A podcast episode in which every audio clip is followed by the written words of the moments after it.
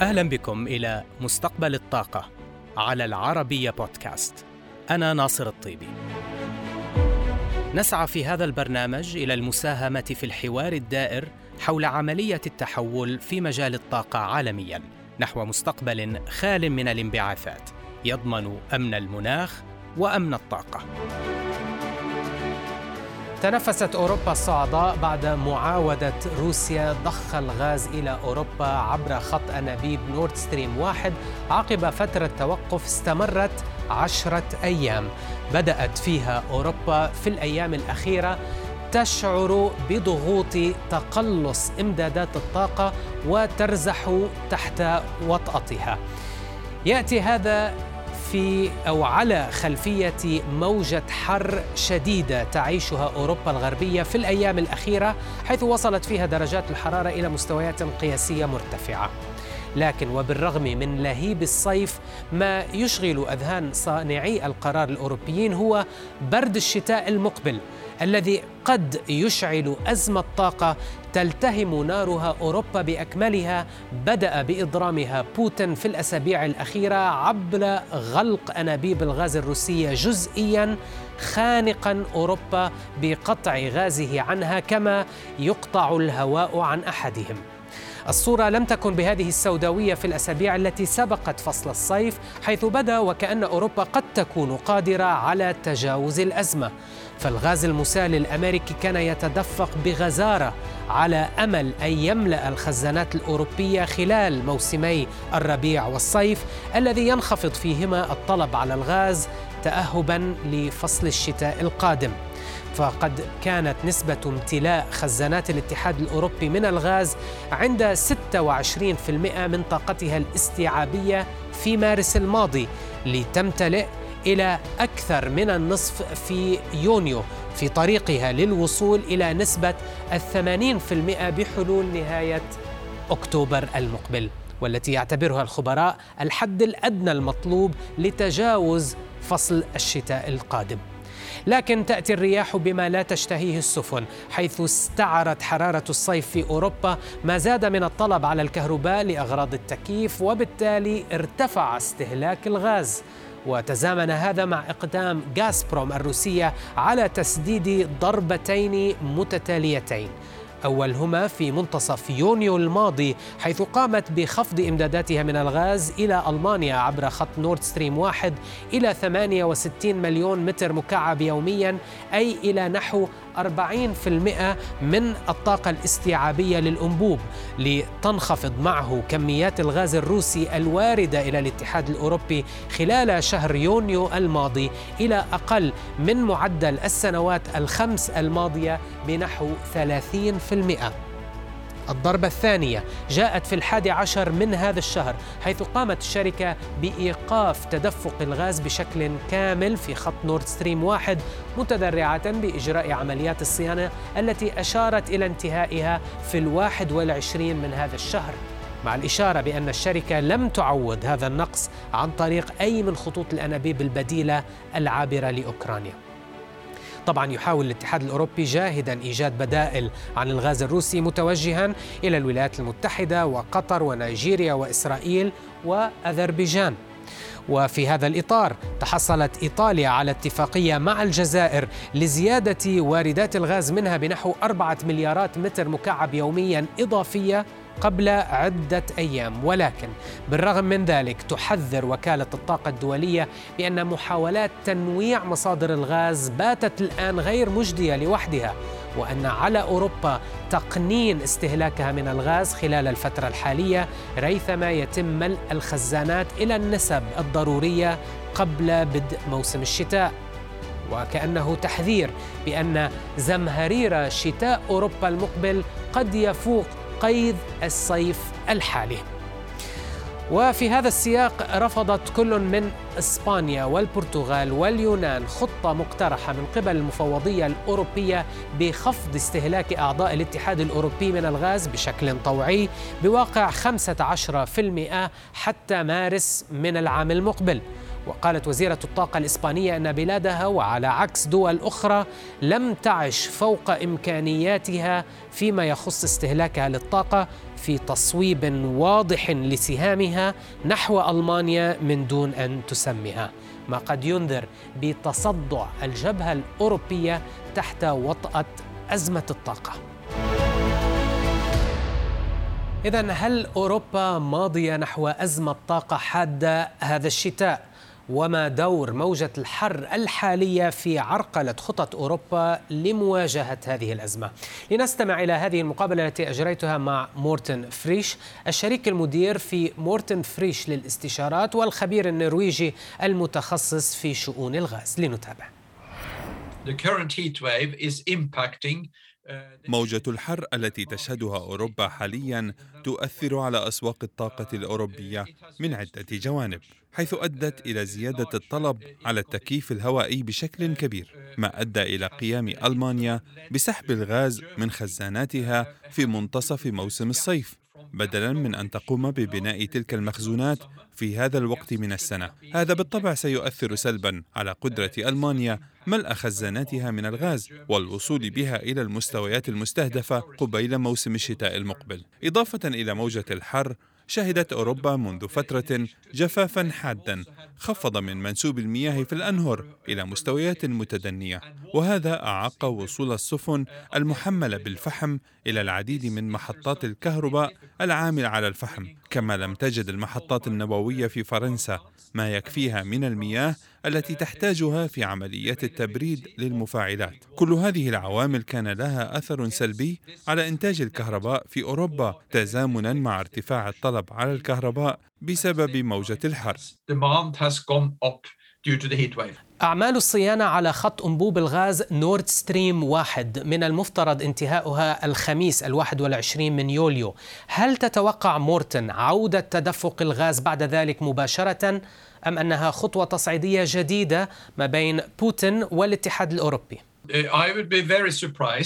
سأتفاجأ حقا إذا لم تقم غازبروم وروسيا بإعادة ضخ بعض الكميات من إمدادات الغاز عبر خط أنابيب نورد ستريم واحد. لأنهم إذا ما قطعوا الإمدادات بشكل تام فهذا سيفقد روسيا ورقة ضغط مهمة من يدها في خضم هذا التجاذب الجيوسياسي الحاصل حاليا. وبحسب تصريحات الرئيس بوتين التي ادلى بها عشيه زيارته إلى طهران قبل أيام. قال إن توربين الغاز التابع للخط والذي ما زال في كندا بعد أن تمت صيانته يجب أن يعود قبل السادس والعشرين من يوليو الحالي لأن هناك توربين آخر يجب أن تتم صيانته هو الآخر. وفي حال عدم عودة التوربين من كندا فهذا يعني بأن تدفق الغاز عبر نورد ستريم واحد سينخفض من 60 مليون متر مكعب قبل الصيانة الأخيرة. إلى قرابة 30 مليونا فقط. Uh, المفوضية الأوروبية تعمل على خطة لتقديمها إلى قمة طارئة ستعقدها في السادس والعشرين من يوليو الحالي للاتفاق حول كيفية مواجهة صدمة الطاقة المحدقة بالمنطقة في ضوء التطورات الأخيرة هل تعتقد بأنه لابد لهذه الخطة أن تتضمن إجراءات لتقنين استهلاك الغاز فوراً؟ Uh, يبدو أن عددا من الأعضاء أخطروا المفوضية الأوروبية وبلهجة صارمة بأنهم لن ينضموا إلى أي خطة أوروبية تفرضها بروكسل. تقضي إلى خفض استهلاكهم من الغاز حيث أوضحوا للمفوضية بأن لديهم آلية وطنية خاصة بهم تحدد مستويات الاستهلاك ويبدو أن المفوضية قد رضخت لذلك حيث من المتوقع أن تطرح خفضا طوعي بنسبة 15% فقط. يعكف الاتحاد الأوروبي حاليا مورتن على إنشاء آلية مشتركة لشراء الغاز لجميع أعضائه، هل يمكن لهكذا آلية أن تنجح في ضوء شح إمدادات الغاز العالمية وارتباط الكثير من الموردين بعقود قائمة طويلة الأجل؟ ما هي التحديات في رأيك التي تواجه هكذا آلية؟ Uh, uh, هناك حاليا عجز تعاني منه سوق الغاز المسال العالمي. من الصعب حقيقة تحديد حجمه بدقة. لكنه بالتأكيد يتراوح ما بين 15 مليون إلى 30 مليون طن بالسنة. وهذه كميات معتبرة. وفي حال استطاعت المفوضية الأوروبية من جمع كل محطات استقبال الغاز المسال في أوروبا والتنسيق فيما بينها في عمليات الشراء الفورية للغاز المسال من خلال مكتب مركزي موحد فهذا بإمكانه أن يخفض كلفة الغاز المسال في الأسواق الفورية. لكن بطبيعة الحال لا يمكن للمفوضية أن تتدخل بأي شكل من الأشكال في العقود طويلة الأجل القائمة التي دخلت بها الشركات بالتالي نعم نظريا يمكن لهذه الآلية أن تخفض التكلفة ولكن عمليا هل تنجح؟ الوقت كفيل بالإجابة على هذا السؤال لكن الأمر صعب بالتأكيد uh, uh, time will tell. It's difficult. مورتن إذا في ضوء كل هذه التطورات والأحداث المتتالية هل الاتحاد الأوروبي ماض نحو أزمة طاقة مؤكدة هذا الشتاء كما يحذر البعض؟